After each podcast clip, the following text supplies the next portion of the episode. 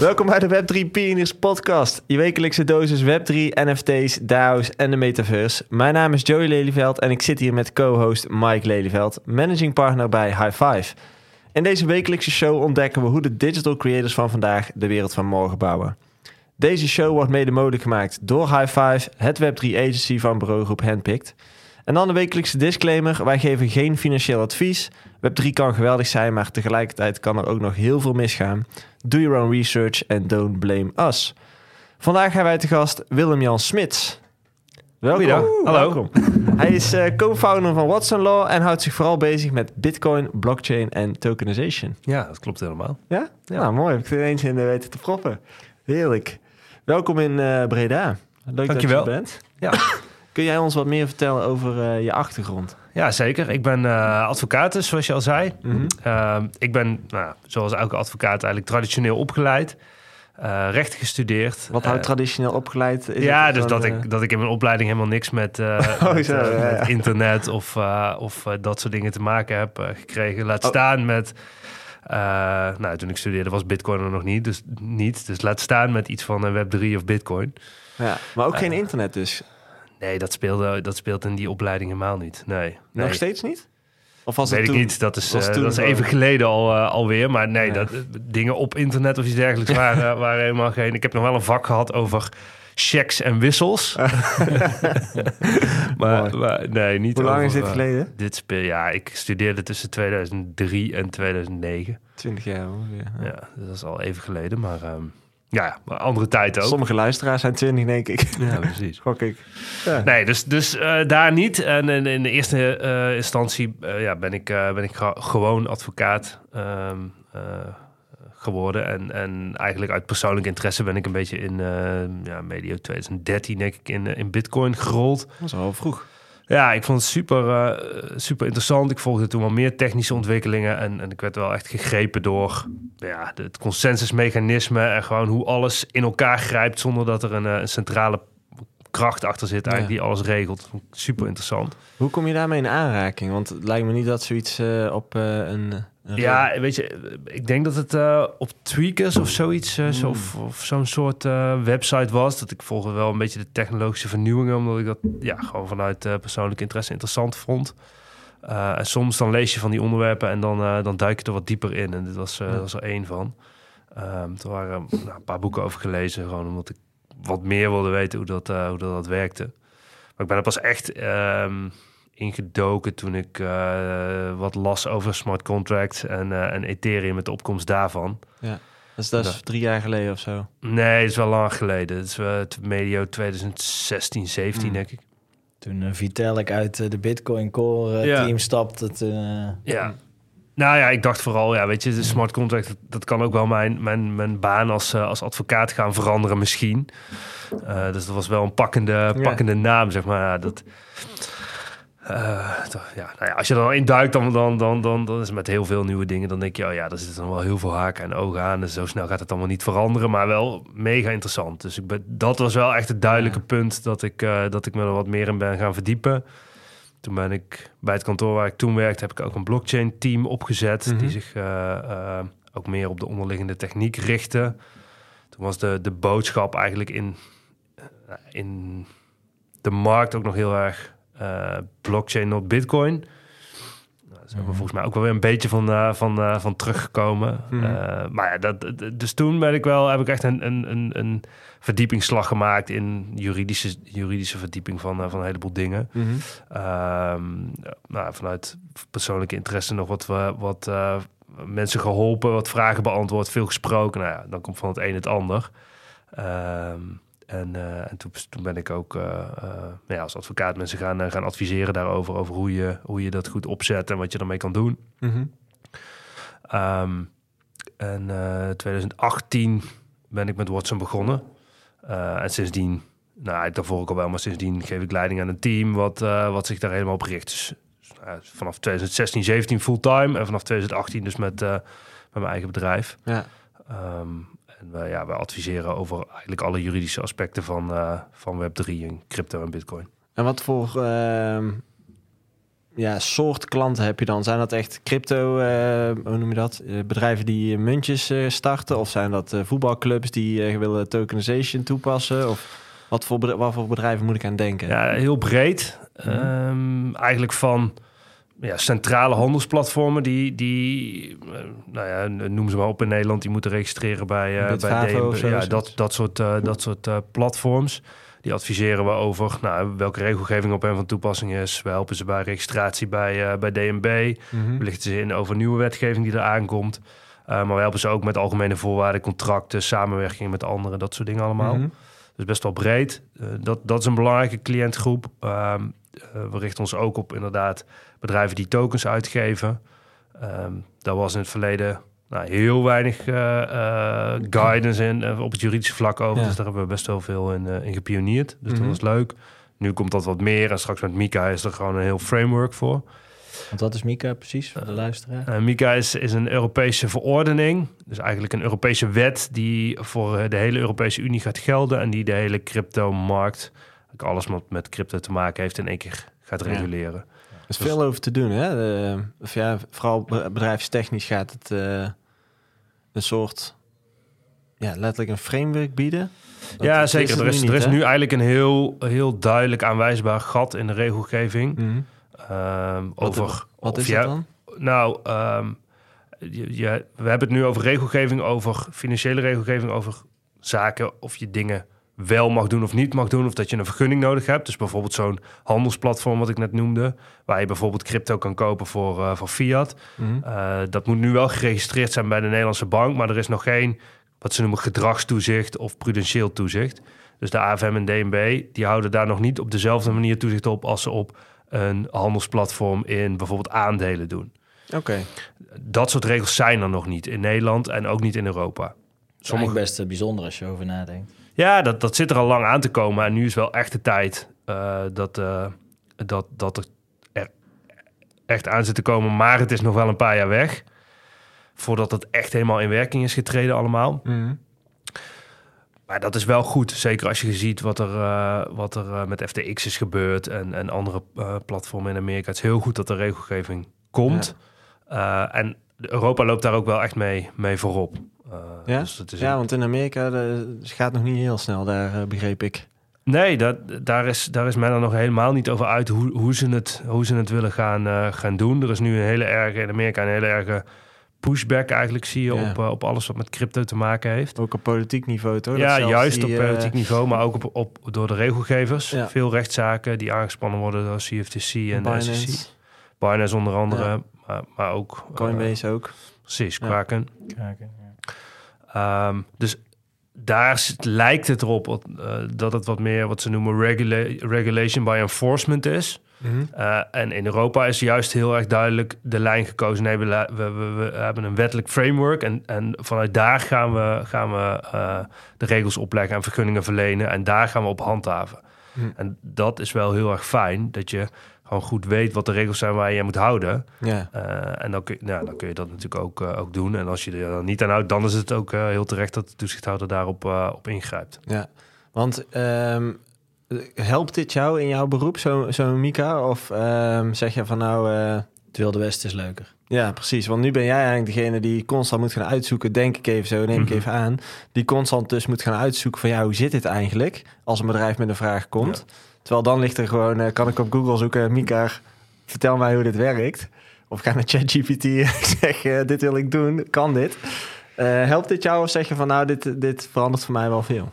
Ehm, het helpt heel erg, maar het helpt vooral mijn cliënten heel erg. Eh, Mhm. Omdat nu de regelgeving heel erg versnipperd is door Europa. Dus als je nu als eh, uitgever van tokens of als handelsplatform actief wil zijn, dan moet je eigenlijk aan 27 verschillende rechtsstelsels voldoen.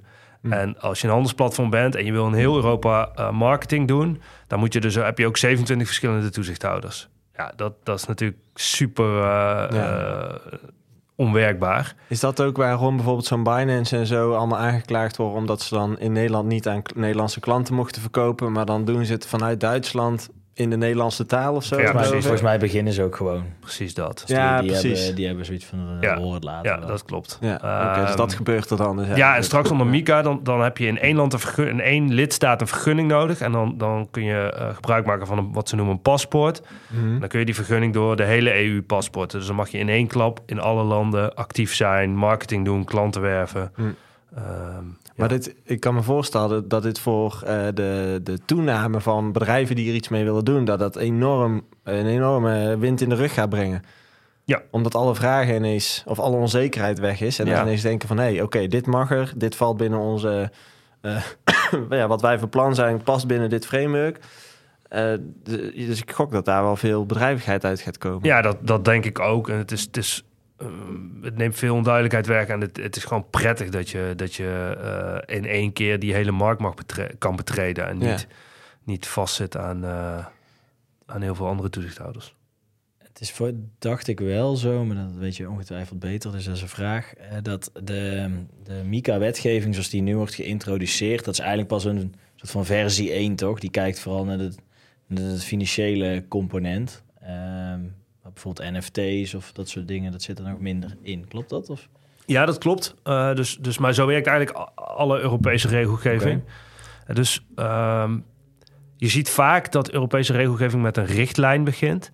En een richtlijn is een, is een Europees wetgevingsinstrument met wat moet worden omgezet in nationale wetten. Mhm. Hier heeft men ervoor gekozen om meteen een verordening eh, te gebruiken. En een verordening is een wetgevingsinstrument wat in de hele Unie direct werkt.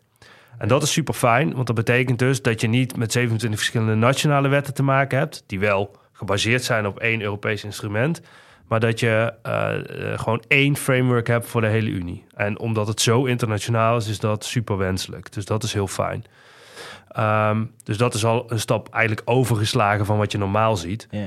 Uh, en dan, nou ja, bij, bij de traditionele financiële wetgeving is het ook zo dat die richtlijnen en verordeningen weer vernieuwd worden. Mhm. Um, dus bijvoorbeeld de, de, de richtlijn waar uh, zeg maar aandelen, handelsplatformen voor aandelen aan moeten voldoen, MIFID, is versie 2. Mhm. Dus die zijn ook de afgelopen 30 jaar gevormd. En ja, crypto is natuurlijk iets nieuws.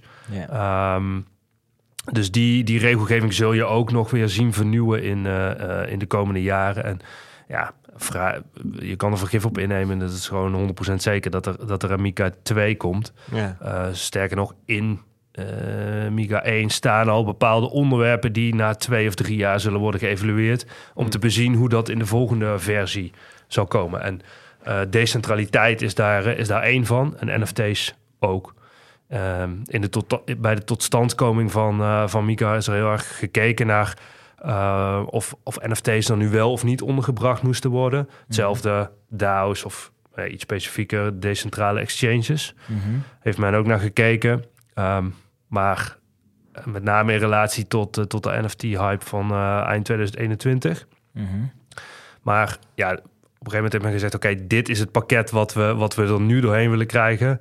Uh, en de volgende iteratie doen we de volgende Ja, keer. precies. Er moet ergens moet een cut-off point zijn, want anders dan blijf je, Ja. blijf je bezig. Ja, de ontwikkeling gaat natuurlijk heel snel. Dus Ja. dan blijf je dingen Precies. toevoegen. Ja. Hoe, eh, hoe doe jij dat nu dan? Want er is dus nog geen framework. Dus Mhm. ehm, hoe, stel, ik, ik, ben, ik heb zo'n crypto-handelsplatform en ik, ik wil dat gaan beginnen, want ik Mhm. zie een markt. En eh, ja, ik moet toch voldoen aan bepaalde, bepaalde regels, lijkt mij. Mhm.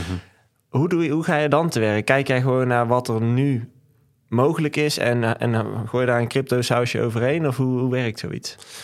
Uh, nou, als een, als een uh, dat gebeurt nog regelmatig, als er een, een, partij bij mij komt die, die een nieuw handelsplatform, uh, dus waar je crypto voor crypto kan wisselen of waar je crypto kan kopen, um, wil beginnen, dan, dan gaan we kijken, oké, wat, wat zijn precies de activiteiten die je, die je wil gaan doen? We maken een analyse van welke regels daarop van toepassing zijn. En dat is dus belangrijk. In welke landen wil je actief zijn? Um, wat voor soort assets wil je listen?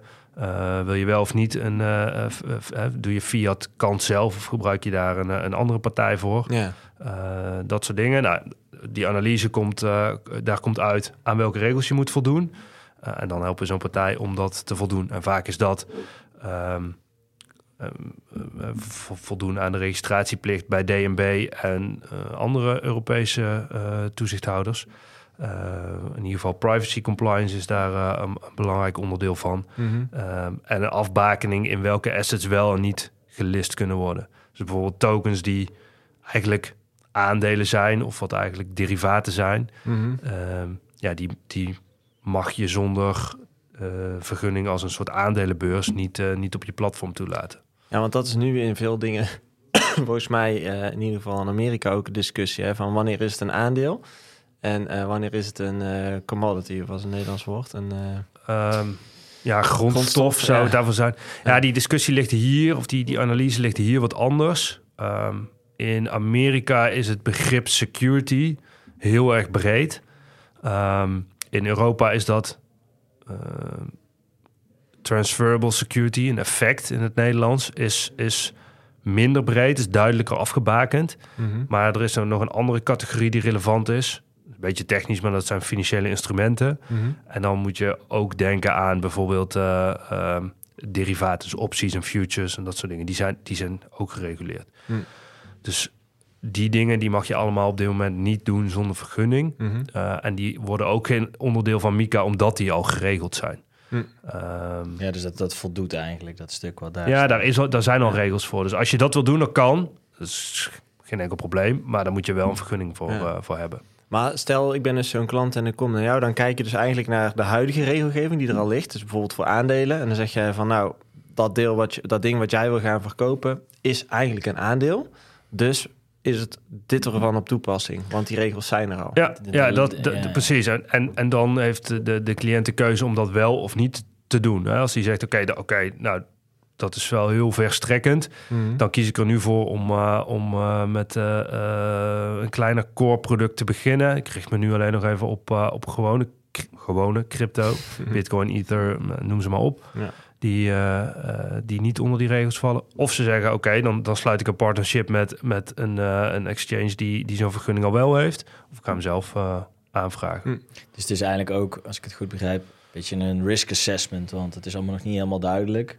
Maar je kunt wel parallellen zoeken met het traditionelere Mhm. financiële systeem. En dat je zegt van nou, op basis van mijn analyse denk ik dat het dit soort eh, instrumenten zijn die je wil aanbieden in.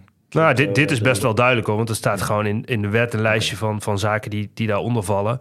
En dus eh, als je zoiets aanbiedt in getokenized vorm, dat, dat maakt het niet anders. Oké. Dus die wetgeving is, wat ze zeggen, substance over form. Mhm. Dus of het nou eh, bestaat in de vorm van een papieren contract of in de vorm van een, eh, van een Smart contract. smart contract Ja. dat, of, of een token. Dat maakt niet uit. Je moet kijken naar wat het, wat het, wat het, in, wat het object precies is.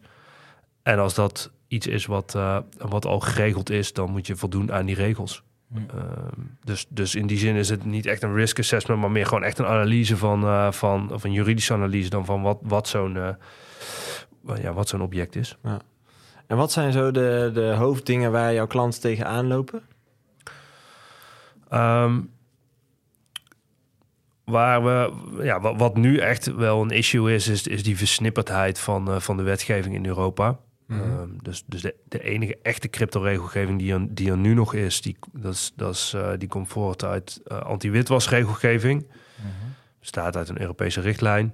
Die is geïmplementeerd in elk land. En voor die registratie die je, moet, die je daarvoor moet doen, daar zit geen paspoort aan. Dat, wat ik zei, wat, dat betekent dat als je in, in Nederland bent geregistreerd, maar je wil ook in Frankrijk en in Je moet Spanje, overal. moet je eigenlijk- overal. Ja, Is dat een dure traject ook? Omdat er, of vooral tijds... allebei. Het is best kostbaar. Eh, je moet ook steeds in, in dat land wel weer iemand inschakelen die, die een beetje, zeker in de, in, in- ja, in de Zuid-Europese landen, die, die de taal van de toezichthouder spreekt, die ehm, een beetje weet hoe de, hoe de mores zijn. Ja.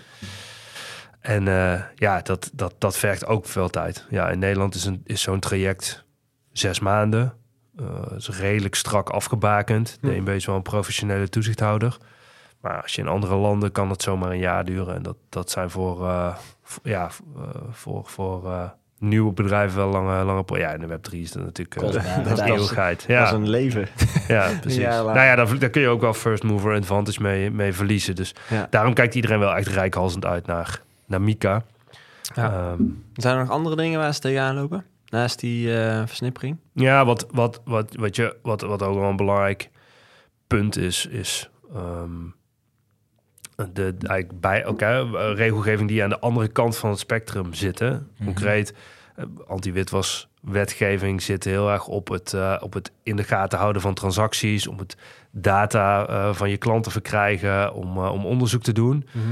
Eh, maar in Europa kennen we ook hele strenge privacyregels. En eh, het- perspectief daarvan is juist data minimalisatie, zo weinig mogelijk data opslaan, verwijderen als je het niet meer nodig hebt. Dat botst een beetje. Ja, dat eh, botst. Dat botst. Dus, dus soms dan op, op basis van de ene regel moet, je- moet je verwijderen. En op de basis van de andere regel moet je juist, juist bewaren. En, nou ja, dus, dus, dus soms is het best lastig om, om, om daar de, de, de, de, ja, de goede implementatie van, eh, van te vinden, die ook nog eens werkbaar is. Ja. Dat is ook altijd wel We belangrijk. hadden het net over een aantal, ehm, ja, meer een beetje in de, de, de financiële sector, zeg maar. Als je meer kijkt naar de, de creative eh, kant, Mhm. hè, dus eh, je wil een, ehm, je bent een bepaald merk in Nederland, je wil misschien een loyaliteitsprogramma opstarten op basis van eh, tokens of zo, of een, of een Ja, NFT eh, wat, uitgeven. Adidas doen en Nike en zo. Ja, zijn, zijn, raakt dat ook, eh, dit soort wetten en regelgeving, of is dat nog redelijk eh, vrij?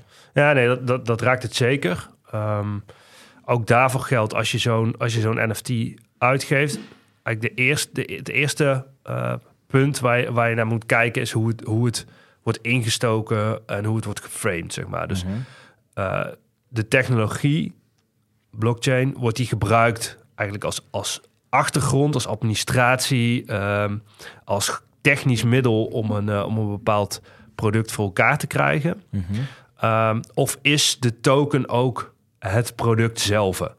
Uh, dus eh, kan je als gebruiker die token uit het systeem halen? Kan je die uh, op uh, OpenSea verkopen? Kan je, is het gewoon een, een, een, los ding? Of wordt het echt als administratie, mm -hmm. als technisch administratie ding mm -hmm. gebruikt?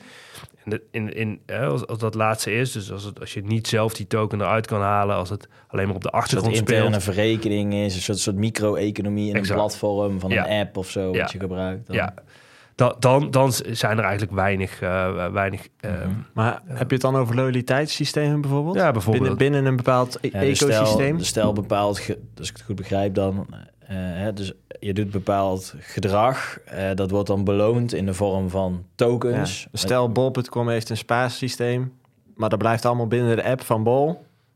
Kunnen geen euro's van gemaakt worden en zo dan. Ja, om, weet je, om, om, om accountancy of, of, of Mhm. mm -hmm. Praktische of innovatieve, eh, gewoon praktische redenen, administratieve mm -hmm. redenen worden daarvoor uh, tokens gebruikt in plaats van, uh, mm. in plaats van ja. het gebruikelijke boekhoudprogramma.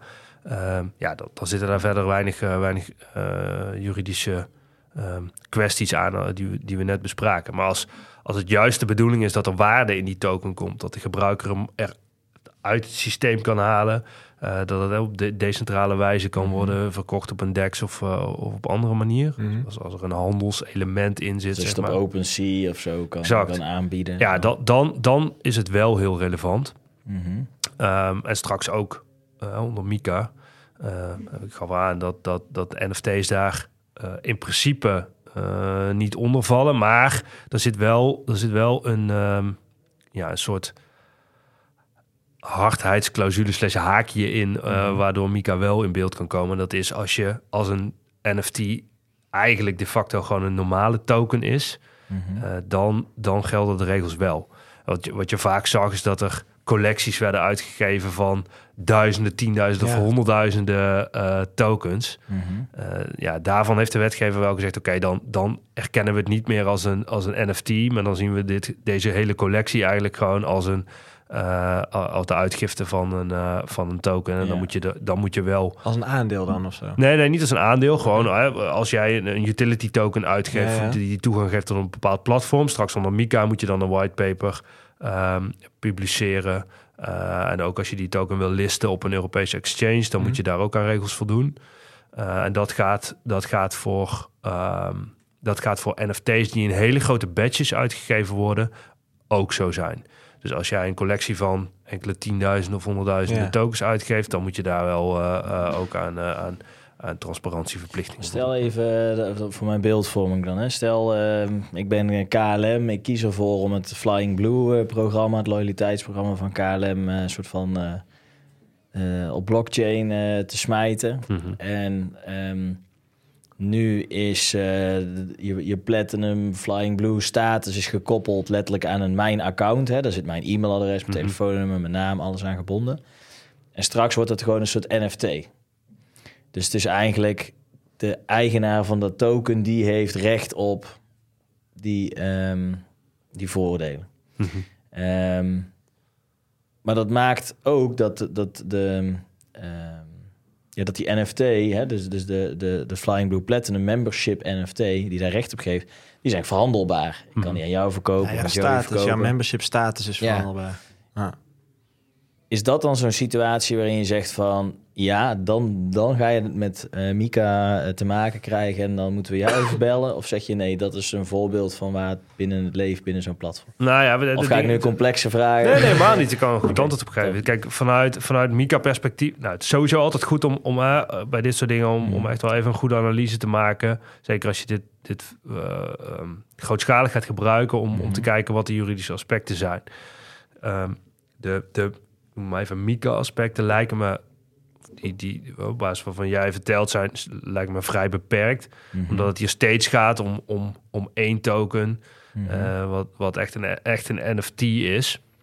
Waar je verder ook niet oh, eh, geld of iets dergelijks voor betaalt. Mhm. Ehm, ehm, maar die, die eigenlijk een, eh, een representatie is van, van, van wat jij doet op dat, op dat platform. Dat is wel echt een, een, een NFT die bedoeld is om vooralsnog buiten, eh buiten Mika te blijven. Eh, er, zit, er zijn wel veel andere aspecten waar je we gaan wel echt goed rekening mee moet houden bij zoiets. En dat is, dat is eh, de privacy aspect als je veel persoonsgegevens verwerkt. En als je dan die NFT verhandelbaar maakt. Hoe dus dat zich tot elkaar verhoudt, dat, dat is een belangrijk punt. Ehm, die, die NFT's die er eh, niet, onder, niet onder vallen, dat zijn echt wel de collecties die verkocht worden eigenlijk ter financiering van een, eh, van, van een platform of iets Ja, ja. dergelijks. Maar dan heb je echt bij eh moment van uitgifte... een vraag je al om geld, zeg maar, om die, om die NFT te Maar kunnen dat is dan eigenlijk wat, wat bijvoorbeeld eh, wat je bij artiesten en zo meer ziet. Hè, dat bespreken we hier ook regelmatig. Ja, dat is muziek, Dat, weet je eh, dat Thousand True Fans idee van... Je Ja. wil als, als beginnende artiest wil je misschien voor geld ophalen. Dus Ja, dat, dat is dan wat je bedoelt. Ja, als, als er een aspect van geld ophalen zit, in welke het, vorm dan eh, ook, dan is het zeker goed om daar, eh, om daar goed naar, eh, naar te kijken. Want daar, dat is de, ook de achtergrond van die regels. Om, om kopers, slash investeerders, slash participanten, Mhm. eh, dus de andere kant van de partij die het geld ophaalt, te beschermen tegen Ja, eh, eigenlijk de, de informatiedisbalans die er is. Degene die, die zo'n project doet, die weet precies wat, wat de risico's zijn en wat hij gaat Mhm. doen. En degene die daarin stapt, ja, die is, die is eh, ehm, staat bloot aan hype en Ja. risico dat hij zijn Ja. geld kwijtraakt. Dus, dus het is echt bescherming van, van die zwakkere partij. Dus dat is dan ook de, de, soort van de, de balans of de, de overeenstemming met het traditionelere financiële systeem. En dan heb je een prospectus en dan kun je wel of niet meedoen. En in cryptoland heb je eerder een soort whitepaper. ja. Waar dan in beschreven moet zijn wat de risico's zijn en hoe die tokenomics werken. Ja, precies. Maar is het dan zo dat bij artiesten bijvoorbeeld, hè? Ehm, stel ik wil duizend tokens eh, hebben voor duizend potentiële fans, Eh, maar die stel ik gratis ter beschikking, als in die zijn gratis te minten, alleen voor gas fee. Maar goed, daar Mhm. word ik niet rijker van. Ehm, is het dan ook een, eh, val ik dan ook onder die regelgeving? Of, eh, want dat kan uiteindelijk geld waard worden. Als in, stel iemand wordt vijf jaar lang Mhm. tokenhouder en, en mijn carrière wordt groter en groter en er wordt meer vraag naar die tokens. Dus er ontstaat vraag, ontstaat een, markt en die worden over vijf jaar voor 5000 euro per stuk. eh, En die vraag ontstaat omdat jij Omdat ik voorde- voordelen Mhm. biedt aan die tokenhouder. Ja, Ja, dat is een goede vraag. Ja. Eh, airdrops zijn, of gratis ter beschikking stellen van tokens, mhm. Dat is, eh, dat is uitgezonderd. Eh, dus dus dan, hè, dan is het risico van te ontvangen natuurlijk ook veel, eh, veel kleiner. Ja. Dus dan is het minder relevant dat er, dat er sprake is van, van een informatiedisbalans. Het moet wel echt gratis zijn dan. Hè. De gas fee is niet meegerekend. Nee. Dat, dat zijn eigenlijk gewoon kosten om, om het bij jou te krijgen. net- Maar het, moet niet zo zijn dat je, dat je pers- persoonsgegevens opgeeft of iets dergelijks daarvoor. Nee. Ehm, dus dat je een heleboel data over, eh, over nou, je luistergedrag bijvoorbeeld. eh, ja, ja. dat, Dus je mag, dat je betaalt met data. Dat, Dus stel dat het voorbeeld van. Mike. ehm, eh, stel ik zou een eigen app hebben ehm, waarin ik accounts heb van die mensen. waar dan misschien uiteindelijk een wallet aan gekoppeld wordt, maar dan heb ik hun data dus. Dan wordt het ineens een ander verhaal. Nou ja, niet zozeer. Kijk, dat iemand zijn data ter beschikking stelt, is, is, is niet de, de doorslaggevende factor. Het gaat erom of dat je die token alleen gratis kan krijgen als je Oh, je persoonsgegevens Dat je daarmee betaalt eigenlijk. Exact. Ja, oké. Dus eh, mag gewoon, transactie is dan je, je data. ja, je mag gewoon echt niks in de return krijgen voor die transactie. Precies. Oké. Ah, dat is wel interessant. Dus als je het eh, zo zou doen, gratis weg zou geven, is er in principe niks aan de hand. Ook al wordt dat ding een ton waard over vijf jaar, dan is dat prima. Dan moeten die mensen die die ton ontvangen alleen belasting betalen over het vermogen wat ze dan hebben. Vermoedelijk wel, ja. Ik weet, van belasting weet ik, dat is een echt een, eh, weer een vak, eh, vak Ja. apart. Dus Echt daar, eh, advocaat, hè? I don't know. I, I plead the fifth. Precies, daar, daar kunnen we het niet over hebben. Ehm, maar ja, dat, dat klopt. Ja. Er gaan wel... Kijk, als die token weer ergens gelist wordt, is het een ander verhaal. Op dus- OpenSea bijvoorbeeld. Ja, dat, dat is... eh, in- eh, wordt heel voorbeeld. snel maar heel even- complex. Ja, zeker. Als die gelist wordt op, eh, op wat jij noemde, op, eh, op, op Bitfavo of Ja. Lightbit, of, nou, dan, dan Zeker, wel. ja. Hè, dan, Hmm. dan die, dat is een platform wat gewoon de, een vergunning nodig heeft straks. Eh, en dat betekent ook dat, er, dat, er, dat dat platform ervoor verantwoordelijk is dat er, eh, dat er voldoende informatie over is. Maar ja, dan komt er ook weer een handelsaspect aan. Ja, dus als is mijn wel- token op Bitfavo komt te staan. Ja, Ja, maar stel eh, even in het kader apenplaatjes. Stel ik maak als artiest ook zo'n profile picture eh, project. ja. Ehm, wat dus eigenlijk geen per se currency is, maar gewoon een afbeelding met bepaalde utility daaraan vast. En die geef ik gratis weg.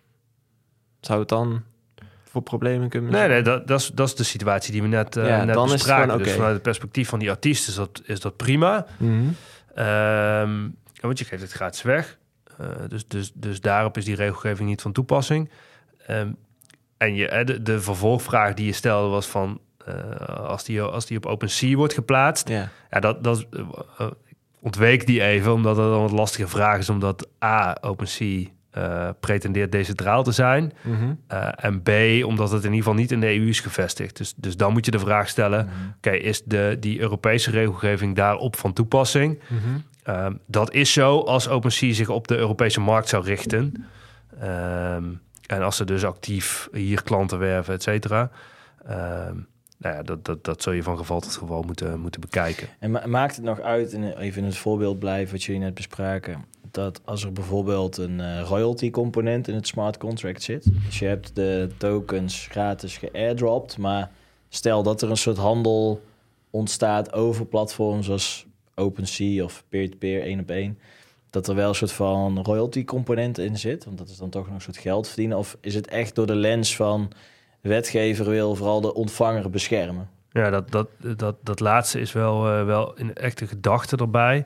Je zult wel goed moeten kijken naar als, het, als er royalties in zitten, Mhm. eh, waar dat, dat dan een vergoeding voor is.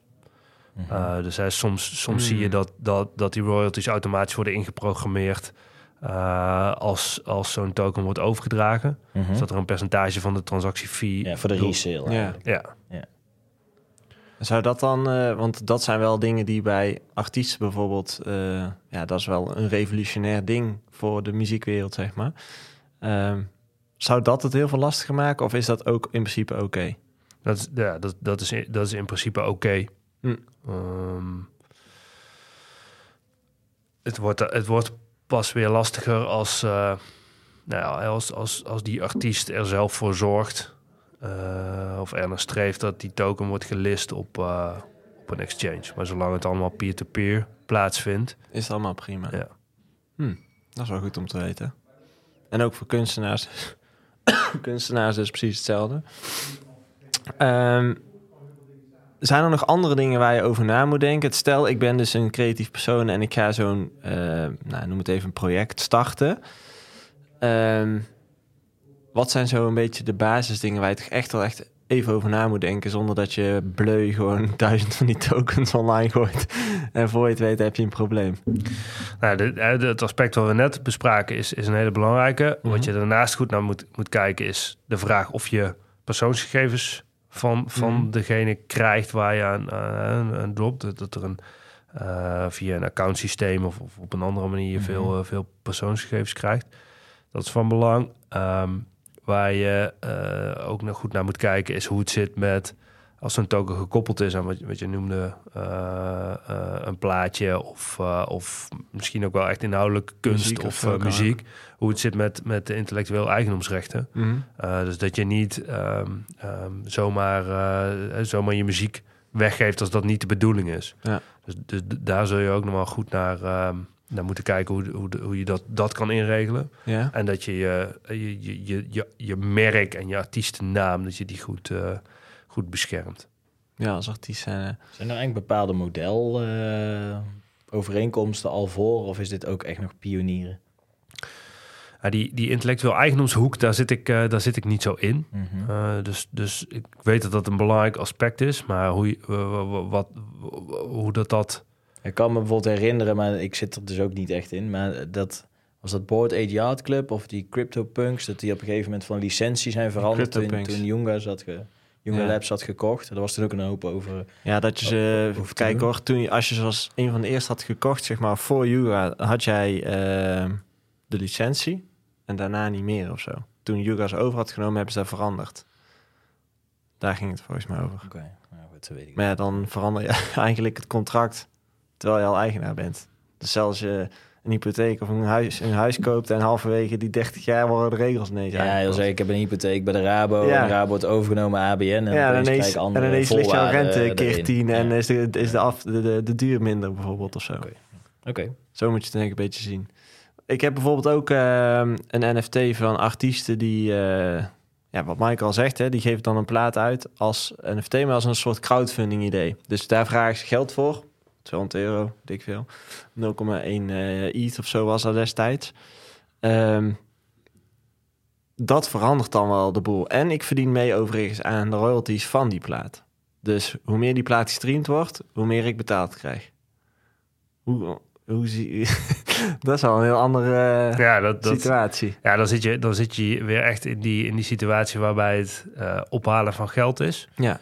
Eh, in, een in een financierings, eh, ehm, de financieringskant. Mhm. Ja, en daarvoor, dus eigenlijk zitten we dan in wat we straks bespraken, in, in, in de situatie waarvan de wetgever vindt dat de koper in ieder geval voldoende informatie moet hebben om een weloverwogen keus te maken. En dat is een whitepaper bijvoorbeeld. Ja, daar, bij Mika is er voor nu voor gekozen om, eh, om daar inderdaad een whitepaper voor te maken. eh, of vaak verplicht te stellen waar, waar- waarin is voorgeschreven welke informatie je allemaal moet... eh, Ik wilde zeggen, is daar een Ja. definitie van? van wat Ja, er zeker, dat- je moet?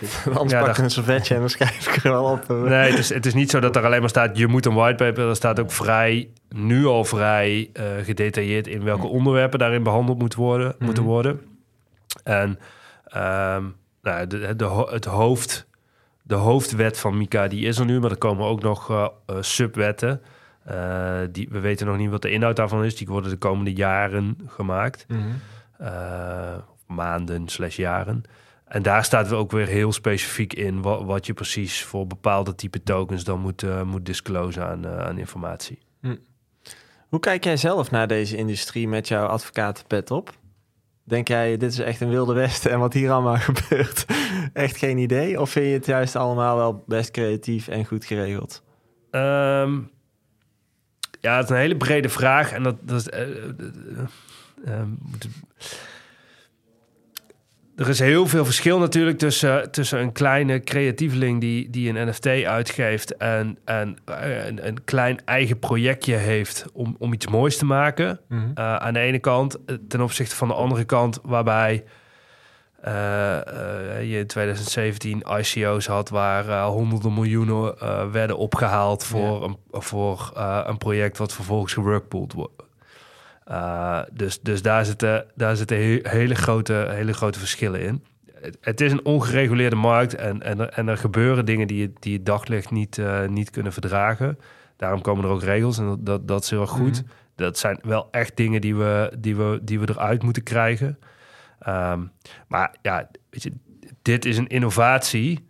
Um, waarde, even heel holistisch en breed gezegd, waardeoverdracht via internet. Mm -hmm. Um, is op dit moment gewoon nog niet fatsoenlijk geregeld. En, en, en deze hele industrie gaat ervoor zorgen dat dat linksom of rechtsom wel fatsoenlijk geregeld wordt. Waarbij landsgrenzen niet meer relevant zijn.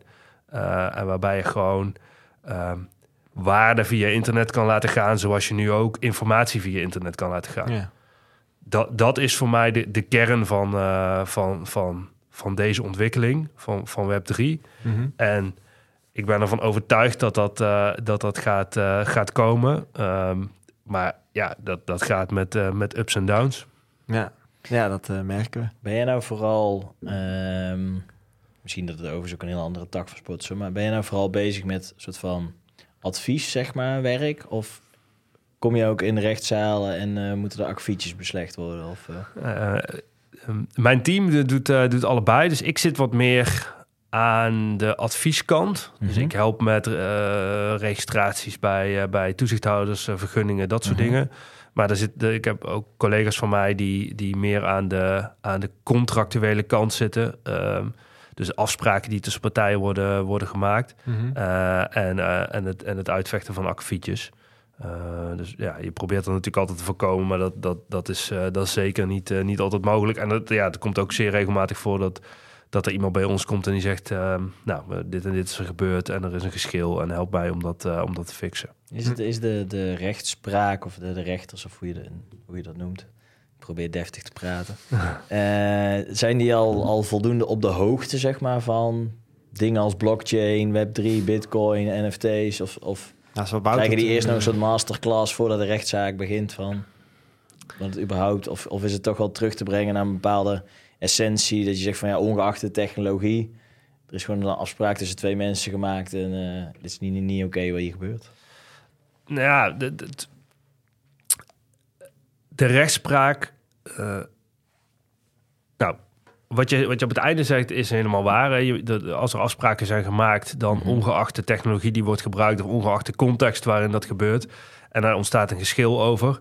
Ja, daar is heel veel al over geschreven en gezegd en rechtspraak over en wetten over hoe je dat moet ehm, ehm, afwikkelen en, en hoe, hoe je daarover moet oordelen als rechter. Daar volgt een rechter gewoon uh, de wet in en de, en de eerdere rechtspraak in. Mhm. Alleen die context is wel heel erg belangrijk over hoe dat je dingen moet, uh, moet kwalificeren, hoe je een afspraak moet kwalificeren, wat de feiten zijn die, die aan zo'n zaak ten grondslag ligt. En als je als rechter moeite hebt met weten wat een webpagina is, met wat internet is, ja. uh, wat een server is, ja, dan, dan zijn dit weer verdiepende stapjes, zeg maar. Uh, en, en extra zaken die je, die je in zo'n uh, in zo'n zaak moet uitleggen aan de rechter. Je weet, in Nederland hebben we geen specifieke technologie-rechtbank. Ja, dat was mijn volgende vraag. Van, is het niet dat je bepaalde categorieën rechters hebt? Van die zijn daar. Nee, de, de, de, er zijn wel, wel er is wel onderscheid tussen strafrecht en bestuursrecht en civielrecht. Mm En daar houdt het wel een beetje op. Je hebt een paar hele specifieke. Dus je hebt voor heel specifiek ondernemingsrecht. Je hebt voor heel specifiek IE heb je een aparte, een aparte kamer. Intellectueel eigendomsrecht, sorry. Uh, en voor heel specifiek financieel recht heb je een aparte kamer bij de rechtbank. Maar, maar voor de rest komt het gewoon terecht bij een generieke rechter die al het civielrecht doet. Hm. En dus die moet weten van hypotheken. Uh, um, en die moet weten van burenruzies. Uh, en die moet weten van verkeersongelukken. En die moet weten van... Apenplaatjes. Van apenplaatjes. Dat is een breed aspect. Ja, dus, en je weet van tevoren ook niet welke, welke rechten je krijgt als je, als je een zaak start. Dus je moet gewoon ervan uitgaan dat, dat, dat ja, de, de, het kennisniveau qua feiten uh, laag is. En goed uitleggen wat, um, wat er is gebeurd. Ik heb één afsluitende vraag nog waar ik gewoon even benieuwd naar ben. Jij begon toen straks met uh, dat jij destijds, toen jij hierin begon, zeg maar, in de Web3-wereld, dat jij getriggerd was door smart contracts. Ook door het woord hè, van uh, gaat dit mijn beroep veranderen, ja of nee? Heb je daar het antwoord op gevonden? Ja, in mijn geval heeft het mijn beroep radicaal veranderd. Uh, want ik, ik deed ehm, in 2014 nog, nog helemaal niks met Bitcoin, crypto en blockchain. Ja. En nu ben ik er uh, fulltime mee bezig. En uh, heb ik een bedrijf en een team met, met acht personen waar we mee er fulltime mee bezig zijn. Dus voor mij heeft het alles veranderd. Ja, en als je het dan uitzoomt op advocatuur als, als tak, zeg maar? Uh, er, er, is een aantal personen en een aantal kantoren wat, hier, wat hiermee bezig is. Mhm. Uh, maar uh, wat dat betreft heeft het, heeft het voor juridisch dienstverlenend Nederland nog niks veranderd. Nou. Maar gaat het in de toekomst, uh, zie jij bepaalde dingen waarvan je denkt, ja, dit gaat wel echt een uitdaging worden? Ja, het gaat natuurlijk, wat we straks bespraken, deze technologie gaat wel de manier waarop we op internet met elkaar interacteren volledig veranderen. Daar Ja. ben ik van overtuigd. En, en de advocatuur als beroepsgroep die hobbelt daar een beetje achteraan. Ja. Ehm, eh, wat ook dat geen, zeker geen disqualificatie is, Mhm. maar een feitelijke constatering.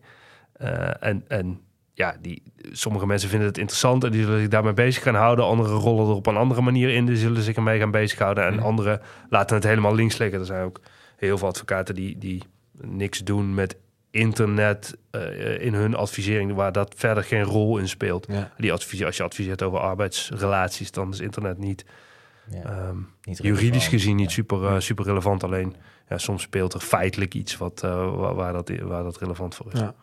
Mooi. Nou, ik was gewoon benieuwd. Ik dacht, eh, zou die, misschien heb je inzicht gehad of zo. Ik weet het niet. Maar leuk om te horen. En sowieso echt knappe prestatie wat je hebt neergezet in die tijd. Dat je nu eh, acht man bezighoudt eh hiermee. Mooi voorbeeld van pionieren. Ja, Ja, en in, het is toch gewoon een, hele krappe markt op dit moment. En als je dan toch gewoon in die tijd een bedrijf hebt weten te bouwen... en dat nu ook gewoon staande houdt. Nou, ik vind het heel knap.